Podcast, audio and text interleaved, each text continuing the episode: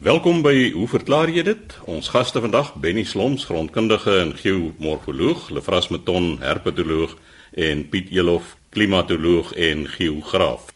Eers dan die woord vandag, Benny Sloms. Benny, jy gesels oor koue stabilisasie. Dankie Chris. Ek het 'n e-pos ontvang van uh, Jeff Huber van Winpro en hy het twee pragtige foto's gestuur van patrone buiteom twee staaltanks waarin koue stabilisasie gedoen word. Nou hierdie patrone buiteom die staaltanks is yskristalle. Maar as jy mens mooi gaan kyk, dan is hierdie yskristalle in 'n dendritiese patroon. Dit lyk soos varingblare wat daar teen die tank sit. Pragtige verskynsel wat ons daar sien. Nou wat daar gebeur het is die volgende Jeff met afkoeling aan die begin Soos die wyn binne kouer word, vind daar kondensasie van waterdruppels plaas op die oppervlakte van hierdie staaltank. Nou die hoeveelheid kondensasie wat plaasvind, is 'n funksie van die hoeveelheid vog in die lug, met ander woorde humiditeit. My kollegas rondom die tafel sal met my saamstem dat hierdie afgelope somer het ons geweldige hoë humiditeit hier in die Kaap gehad. As jy saans ys in jou drankie gegooi het, dan was die glas buite om sommer vinnig vinnig nat gewees. Nou die druppels wat so aanvanklik versamel rondom hierdie tank, loop natuurlik af aan die buitekant teen die wande en dit vorm hierdie kenmerkende patroon, hierdie dendritiese patroon. So die patroon wat ons daar sien, is vasgelê terwyl dit nog waterdruppels is wat afgeloop het. Nou soos die wyn verder afgekoel word tot onderkant vriespunt, verander hierdie waterdruppels in yskristalle. So die fotos wat jy geneem het, Jeff, is yskristalle teen die wande van die tank. Nou hoe vind die afkoeling plaas van die wyn? Luisteraars sal dit miskien baie interessant vind. Die middel wat gebruik word vir afkoeling is 'n mengsel van water en propyleenglikol.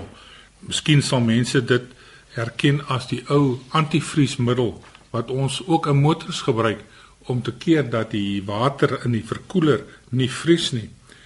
So hierdie glikol word dan afgekoel en dan op drie maniere kan dit gebruik word om die tank af te koel.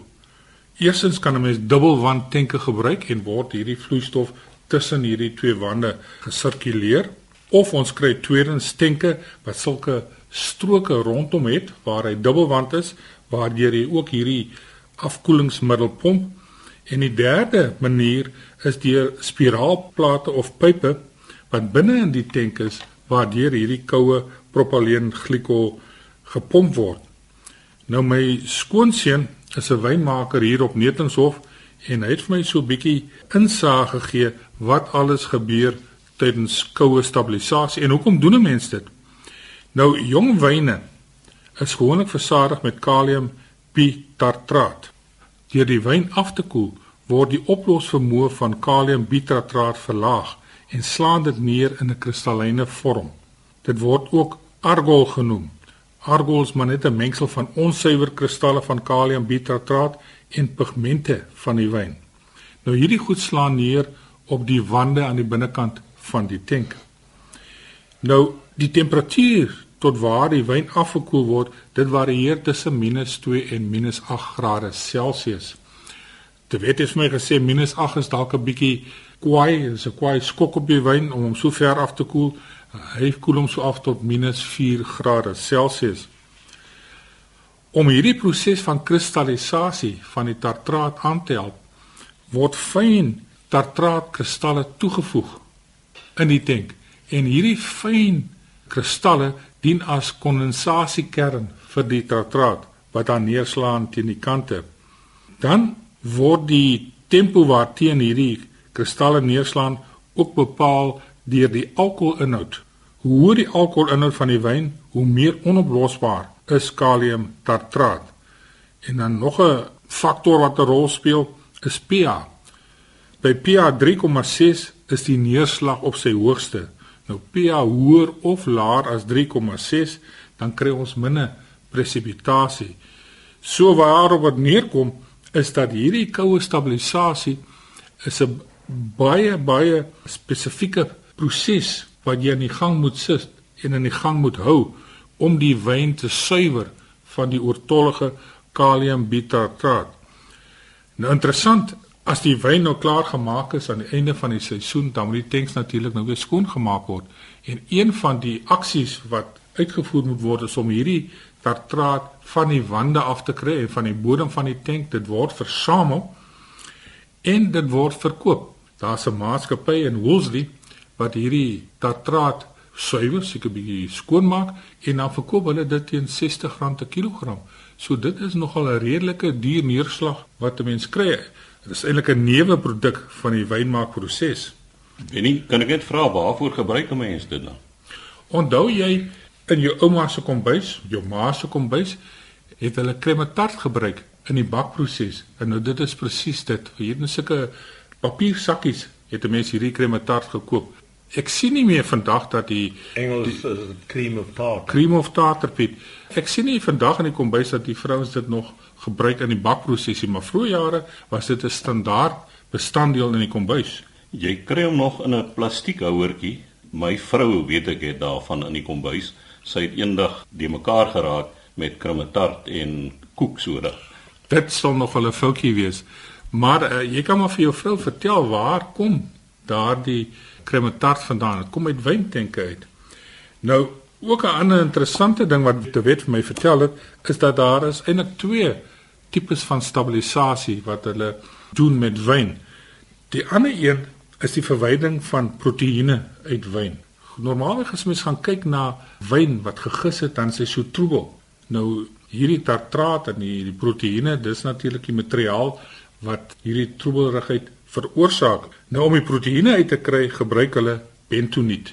Nou bentoniet is 'n 2 tot 1 klei en uh dit bind met hierdie proteïene sak af tot op die bodem van die tank waar dit akkumuleer.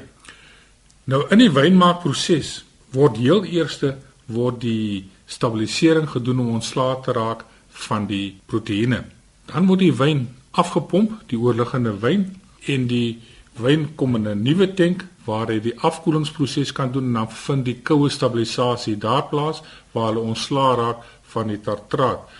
Die ou mense het gepraat van die wyn blink maak om al daardie gesuspendeerde partikels uit die wyn uit te haal, maar in werklikheid is dit twee aparte prosesse wat plaasvind, die onttrekking van die proteïene en dan van die kalium tartraat. Mens sou en hulle doen dit ook is om daardie wyn vir ou laas om nou totaal skoon te kry kan jy hom deur 'n filterproses kan jy hom jaag. En almal van julle sal seker onthou dat vroeër jare toe die tegnieke in die kelders nie heeltemal so verfyn was nie, het mense bottel wyn wat verouder het, as jy daai laaste bietjie uitgooi dan is daar so afsaksel wat uitkom. En as 'n mens mooi gaan kyk na daai afsaksel, dan is dit 'n fyn kristalle, dit lyk soos fyn glasstukkies. En dit is natuurlik die tartraat wat daar neergeslaan het. De wet sê hulle raak ook ontslaa van hierdie tartraat by rooiwyn deurdat die goed word in houtvate verouder en eh, die vate die hout het 'n groot soortelike oppervlakte en die kristallisasie vind plaas op die hout sonder die toevoeging van enige middels maar slaan dit spontaan neer op die hout daardie patrone wat jy sien wat buite vorm. Ek dink by 'n vorige geleentheid het ons gepraat oor in rotse wat jy ook as jy oopbreek hierdie varing patroontjie kry. Ja, la vas dit lyk baie soos daardie dendritiese patrone wat jy tussen die rotslaag kry, maar daar's dit natuurlik mangaan wat neergeslaan het tussen die lae. Dis nie werklike plant nie. Maar wat ek wil noem vir jou, indien jy 'n uniforme moedergesteente het, soos die bouforskalies in die binneland waar die fisiese eienskappe van die skalies omtrent oral dieselfde is en jy kry erosie water wat afloop dan kan water oral ewe vinnig kan hy inkerf kan erosie plaasvind en onder sulke toestande waar water eintlik kan loop waar hy wil kry jy die vorming van hierdie dendritiese patrone kyk in daai klipskeure is mos maar water wat man gaan bevat wat insuiver So dit is die ooreenstemming met die eis. Heeltemal reg. Heeltemal reg. Wennie kan ek net vra wat veroorsaak nou dat hy hierdie spesifieke vorm, dit lyk duidelik soos 'n stingel met blare wat vorm en dit word herhaal. Daar's nou verskillende plante amper langs mekaar as 'n mens kyk na die foto. Wat gebeur Chris is aanvanklik is hier net 'n klomp waterdruppeltjies wat vorm. Nou bots twee waterdruppeltjies te mekaar raak 'n groter druppel en mettertyd loop die water af onder die invloed van gravitasie. Nou hierdie hoofloope wat jy duidelik kan sien hierdie patroon, dit is waar die water afgeloop het en dan is daar fyner aflooppunte by die vertakkings wat vir jou hierdie dendritiese patroon gee. Hierso is 'n nader skoot foto wat hy geneem het en jy kan duidelik sien waar het die water geloop. Dis amper asof jy oor die Karoo vlieg met 'n vliegtuig en jy kyk af en jy gaan kyk na die riviere en sy sytakke wat daar gevorm het. Benny ek is bly jy het gesê dis onder die invloed van gravitasie en nie onder die invloed van alkohol wat dit gebeur nie. Maar dit was dan Benny Sloms, ons grondkundige en geomorfoloog. Lefras Meton, ons herpetoloog. Lefras, jy het hier 'n boek met 'n pragtige klomp kleurfoto's in en jy praat oor reënpaddas. Ja, Chris, luisteraars, ons het 'n brief gekry van Renée Malan van Stellenbosch. Sy's eintlik twee vrae wat sy vra, een oor reënpaddas en ander oor dikkoppe. Ek vertrou jy die dikkop deel aan Dave Peppler aangestuur, so ek sal dan nou net bietjie oor die reënpaddas praat. Eerstens net 'n reënpadda. Ek dink ons kan net ietsie sê oor hoe 'n reënpadda lyk. Lyk amper soos 'n toffieappel, maar met hierdie vier kort stokkies vir beentjies wat aangedruk is en dan baie kenmerkend hierdie humorlose gesig, so 'n kort stomp koppie, maar die die mondhoeke krul so af. Vat net jou hand weg van jou mond amper soos pizza mondhoeke afkrul. Nee, hulle vra. Ek ken een of twee dosente wat net so lyk as hulle voor in die klas staan. Nou ja, hierdie is baie interessante paddetjies, die spesifieke spesies wat hier in die Stellenbosch omgewing voorkom, staan bekend as die Kaapse reënpadda en dit is interessant dat dit was die eerste padda spesies wat in Suid-Afrika beskryf is, 1758, lank gelede. Nou Renay vra 'n paar vrae oor reënpaddas. Sy wil weet hoe hoe leef hierdie paddas die droë somer? Waarvan leef hulle wil sy weet? En sy sê as dit reën in die wintermaande, dan vind sy dat hulle as daar nou 'n onderbreking in die reën is, dan begin die paddas te roep en hulle loop ook rond want sy kry gereeld dan een in die swembad. So sy wil dan ook weet kom hulle uit om te paar as dit reën? en sy wil dan weet of daardie roepe wat sy hoor of dit nou territoriale roepe is en sy dink die paddas roep vir reën maar dit is sommer nou net so tongenetjies dan sê sy 'n student wat eendag by hulle aan huis gebly het het gedink die geluid wat die paddas maak kom van voëls nou die student se naam was Wouter en so hulle het nou van toe af die, die man dan ook nog maar altyd verwys na die Wouter voels as hulle die paddas hoor roep. Nou, miskien kan ek sommer net gou om te begin net hoe klink hierdie reënpaddas?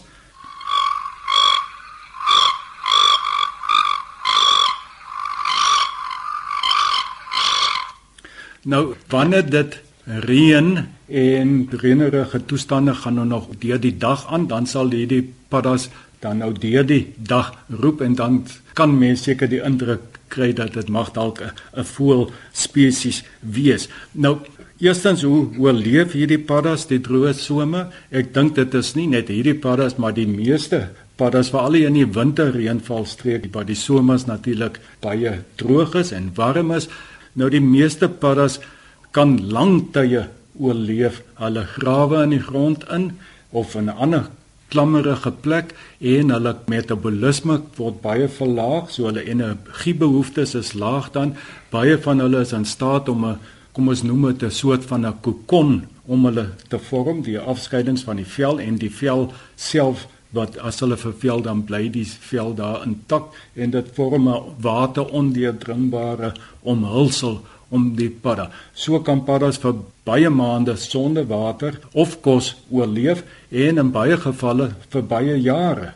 Die brilpadda byvoorbeeld kan etlike jare. Ek dink daar's 'n rekord van iets soos 10 jaar wat 'n padda kan oorleef ondergronds in hierdie onaktiewe stadium. Wat eet hierdie reënpaddas? Hulle is baie lief vir termiete en mure en ons weet na so 'n reënby vlieg die termiete mos dan kry mos daardie die wat nou vlerke het om wat versprei en dit is natuurlik 'n gunsteling kos van hierdie reënpaddas. Dit is so as dit reën, dan is hierdie paddas aktief. Andersins spandeer hulle hulle tyd ondergronds. Dit is eintlik 'n grawende of 'n versoriale padda. Hulle bly ondergronds en kom dan net uit hoofsaaklik met reën. En dit is dan ook uh, veral met die eerste winterreëns in die Kaap, dan begin die mannetjies te roep en hulle sal wanneer dit so reënerig is gaan hulle roep. Die mannetjie is baie kleiner as die wyfie en Piet, jy kan sommer al dadelik sien as jy na hierdie foto kyk, dit is waarskynlik 'n wyfie hierdie mannetjie is die helfte kleiner. Nou, hoe gebeur paring by hierdie spesies? Met daardie kort beentjies, ons weet paddas gaan ons in amplexus, die mannetjie vat met sy voorpote om die wyfie se lyf Bevrugting is ekstern, maar die mannetjie moet daar buite op die wyfie bly tot die wyfie eiers lê en dan stel die mannetjie die sperm vry en die eiers word bevrug. Maar die mannetjie kan nie hierdie kolossale wyfie vasvat met hierdie groot vet liggaam van die wyfie nie. So hulle het 'n baie unieke manier dat beide die mannetjie en die wyfie skei afskeiding af en die mannetjie raak letterlik vasgeplak soos 'n gom Hy word vasgeplak agter op die wyfie se rug en in daardie posisie bly hulle dan nou vir 'n lang tyd. Die wyfie kan nie nou sommer na in die oop tyd die eiers lê nie. So die wyfie moet die eiers nou ondergronds lê. So met die mannetjie op die wyfie se rug so 'n agteruit grawe beweging grawe die wyfie dan nou 'n gat. Hulle gat so half in 'n sirkel en dan tot hulle in 'n ondergronds is en dan sal die wyfie nou eiers lê en die eiers word nou bevrug En dan as alles nou verby is dan word die mannetjie kom hy nou weer los. Ek aanvaar hulle dan nou weer 'n ander afskeiding wat die gom sal neutraliseer en dat die mannetjie kom dan los. En gewoonlik bly of die mannetjie of die wyfie gewoonlik die wyfie wat by die eiers sal bly. Nou hierdie is 'n baie interessante spesies in die sin dat daar nie 'n vryswemmende paddavisie is nie. Die ontwikkeling vind daaronder gronds plaas en Wel as jy nou so kyk na die eiertjies dan sê jy sien na die op 'n stadium het die embriootjie 'n stertjie so kom ons sê dit is nog 'n paravisie maar hy swem net nie vry rondie soos amper wat ons noem dan nou direkte ontwikkeling in vergelyking met indirekte ontwikkeling wanneer daar 'n paravis larwe is. Wat verder interessant is van hulle is dat wanneer die wyfie eiers lê is ook net 'n klein aantal eiers maar baie groot eiers dan lê sy so 'n klomp snaakse eiers wat eintlik is net so 'n jelly massa nog bo op die eiers. En dit is daardie jelly massaetjie dit gee amper daardie wateromgewing vir die paddevisies om tydelik in te kan beweeg en dit hou die storie klam. So baie unieke spesies. Kyk die meeste paddas lê mos hulle eiers in water en daar is vryswemmende paddevisies hierdie een is 'n terrestriële padda en alles geskied sonder 'n paddevis larwe. En dan net om af te sluit, die roepe, dit is die mannetjies wat roep. Dit is ja, hulle roep vir maats en dit is ook seker 'n mate 'n territoriale roep. Dit hou ook die ander mannetjies weg van daardie omgewing. Ek hoop ons het al Renay se vrae oor die reënpadda beantwoord. Die vraag is baie interessant wat jy vir ons deurgee. Ek wil net uh, drie opmerkings maak rondom hierdie reënpanne. Ons is veronderstel om ons weerkaarte te reg lees oor weer wat kom, reënbal wat kom, maar as ek in die aand in die bed lê en ek hoor die reënparretjies, dan sê ek vir my vrou dit gaan môre reën. Want dit is my voorspelling, hulle begin kwak, raas, roep, nou net wat jy wil, gewoonlik voor daar reën voorkom. Dan wil ek net nog een sê, die feit dat jy sê dat hulle ondergronds bly vir 'n tyd. Ek herinner my daaraan dat my meisiekind eendag so in die tuin geloop het en daar was 'n gaatjie en sy het met 'n stokkie daar aangedruk en die volgende oomblik toe hy gaatjie op haar Sy het amper 'n meter hoog gespring, so sy geskrik het vir die geluid wat uit die gaatjie uitkom en dan ten slotte jy sê die reënparretjie is 'n unieke spesies. As ek so na die foto's kyk, dan herinner dit my baie aan sommige voorry rugby spelers wat ek sien. Daar is nie nek nie. Van die kop af gaan dit na die skouers toe. Jy sien omtrent nie 'n nek nie. Dit lyk asof hy so opgeblaas is. So dit is verseker 'n uh, unieke spesies soos wat voor hy in rugby ook is. Ja, dit was dan die reënpaddas, Lefras Beton, ons herpetoloog wat daaroor gesels het. Piet Elof, laaste aan die beurt en Piet, jy gesels oor verskillende wolkvorme op verskillende hoogtes. Ja, Chris, ek het 'n brief gehad van Maritjie hier uit Somerset Wes uit. En sy sê sy ry op 'n dag tussen Somerset Wes en Stellenbosch en sy sien verskillende wolkformasies oor die berge, die bekende kan ek dit nou noem bolvormige wolke soos ons dit ken as die suidooste wind by. Maar in die bolig totaal ander wolkvorme. Sommige is klein bolvormige loswolkies, ander dit 'n patroon van langwerpige wolkies. Nou Maritjie, ek dink is 'n goeie waarneming wat jy doen. Ek hoop net jy het jou oog een van die oë daarom op die pad ook gehou want die pad is redelik besig tussen die twee dorpe. Nou die wolke oor die berge is die resultaat van vogtige lug wat teen die bergstyg afkoel, kondenseer en wolke vorm.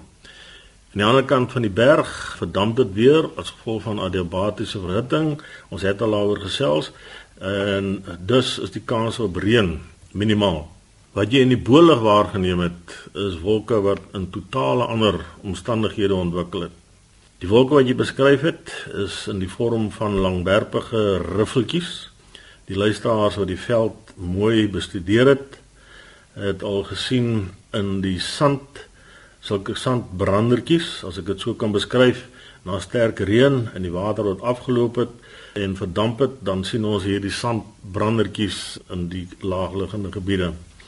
Nou in Brits verwys hulle na hierdie wolke wat jy beskryf hier as macro sky na aanleiding van die viskubbe. Nou die interessante is dat ek toevallig waarskynlik op dieselfde dag as jy die roete gery het en die wolke bekyk het. Saam met die riffeltjie wolke was daar ook bondeltjies ronde wolke. Ons verwys daarna as cirrocumulus. Ons het al vorige programme gesels oor die klassifikasie van wolke op grond van voorkoms en vorm.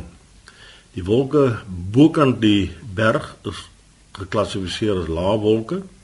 Die in die bolig is hoë wolke en bestaan hoofsaaklik uit yskristalle. Die verskil in vorm en voorkoms is 'n eenvoudige manifestasie van verskillende weerstoestande op verskillende hoogtes in die lug. En dit moet 'n mens begryp dat daar verskillende weerstoestande is op verskillende lae in die bolig. 'n verdere bewys van hierdie verskillende lugbewegings of toestande in die atmosfeer is 'n gewone rookwolk of dit nou 'n veldbrand is, 'n bosbrand is of rook uit 'n fabriekskoorsteen is, is dat die wolkkolom, as ek dit so kan noem, aanvanklik sigbaar vertikaal beweeg, styg tot 'n sekere hoogte en dan 90 grade rigting verander.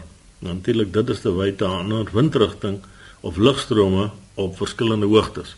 En dit is die goed wat mense moet aanneem dat alhoewel die lug dalk net blou mag voorkom, is daar verskillende windrigtings op verskillende hoogtes. En uh, ons weet dat dikwels ons het al gepraat oor straalstrome, jet streams waar vliegtye in 'n redelike noue band vlieg of sameraai straalstroom dan vlieg hy baie vinniger en hy gebruik minder brandstof. En as hy dan teen daai lugstroom moet invlieg, dan verander hulle gewoonlik rigting sodat hulle buite daai straalstroom vlieg en nie teen daai wind wat teen 150 km/h waai nie. So ja, Maritjie, ek dink dis 'n goeie waarneming wat jy gedoen het en ek is bly 'n mens kyk nie net op grond toe nie, maar jy kyk ook in die lug op. Hou net een oog op die pad asseblief. Nou ja, daarmee het ons dan ook aan die einde gekom van vandag se program. Skryf gerus aan ons by hoe verklaar jy dit posbus 2551 Kaapstad 8000 of stuur 'n e-pos aan chris@rsg.co.za.